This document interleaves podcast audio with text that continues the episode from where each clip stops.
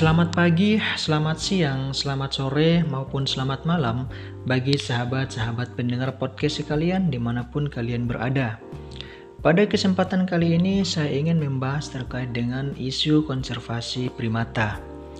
Primata menjadi salah satu pusat perhatian dalam mengkonservasi berbagai keanekaragaman hayati karena populasinya yang kian menurun. Primata itu sendiri merupakan spesies mamalia yang umumnya dikenal seperti monyet, kera, lutung, dan sejenisnya. Agar lebih rinci terhadap isu konservasi primata, saya ingin membahas mengenai isu primata yang berada pada daerah Bacan.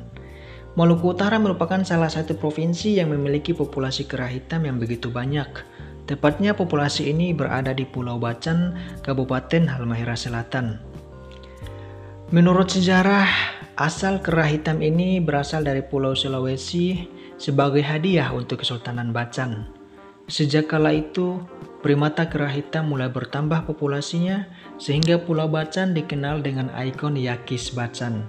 Perlu diketahui pendengar podcast sekalian, istilah Yakis merupakan penamaan untuk kera dari masyarakat Bacan pada khususnya dan Maluku Utara pada umumnya.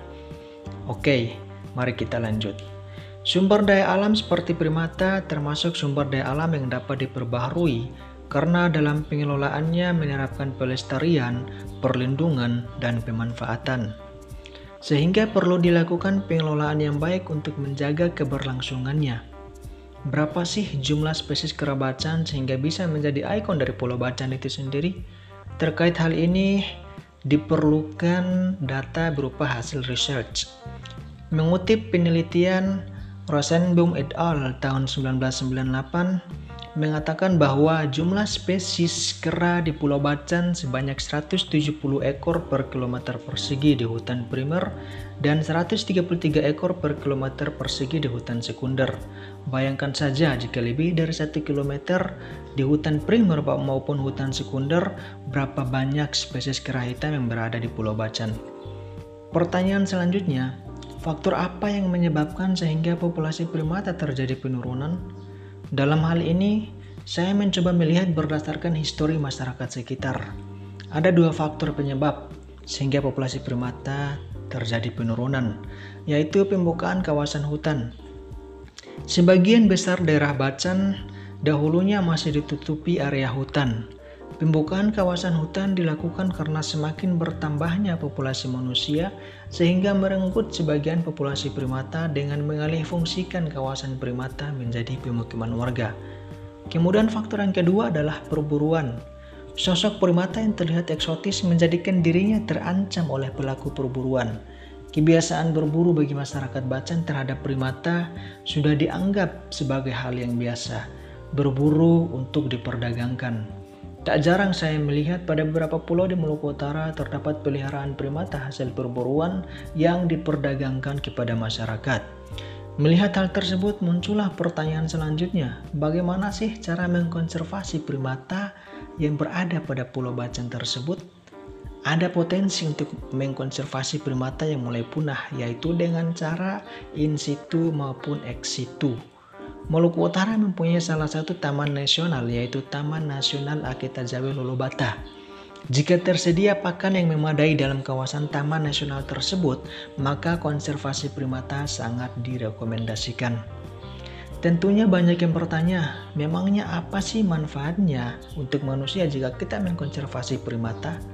Ini menarik untuk dijawab karena kesadaran masyarakat dimulai dari pertanyaan yang mendasar seperti ini. Adakah manfaat praktis selain karena sisi eksotis dari primata itu sendiri? Dan apakah berbahaya bagi manusia jika primata mengalami kepunahan? Dalam hal ini, peneliti LIPI Bogor, Wirda Teti mengungkapkan bahwa hutan dapat tumbuh alami dengan sendirinya karena primata dapat berperan sebagai penebar benih tanaman, sehingga sangat berpengaruh terhadap mekanisme alam.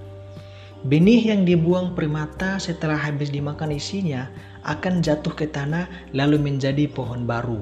Sehingga sangat bermanfaat bagi keberlangsungan ekosistem alam seperti menjaga ketersediaan air bagi manusia. Jika salah satu rantai makanan saja terputus, maka akan mengganggu keseimbangan ekosistem alam dan akan merugikan manusia itu sendiri. Sebagai penutup podcast kali ini, faktor penentu dari konservasi adalah kebijakan yang ideal, serta tidak kontra antara peraturan dan aksi di lapangan.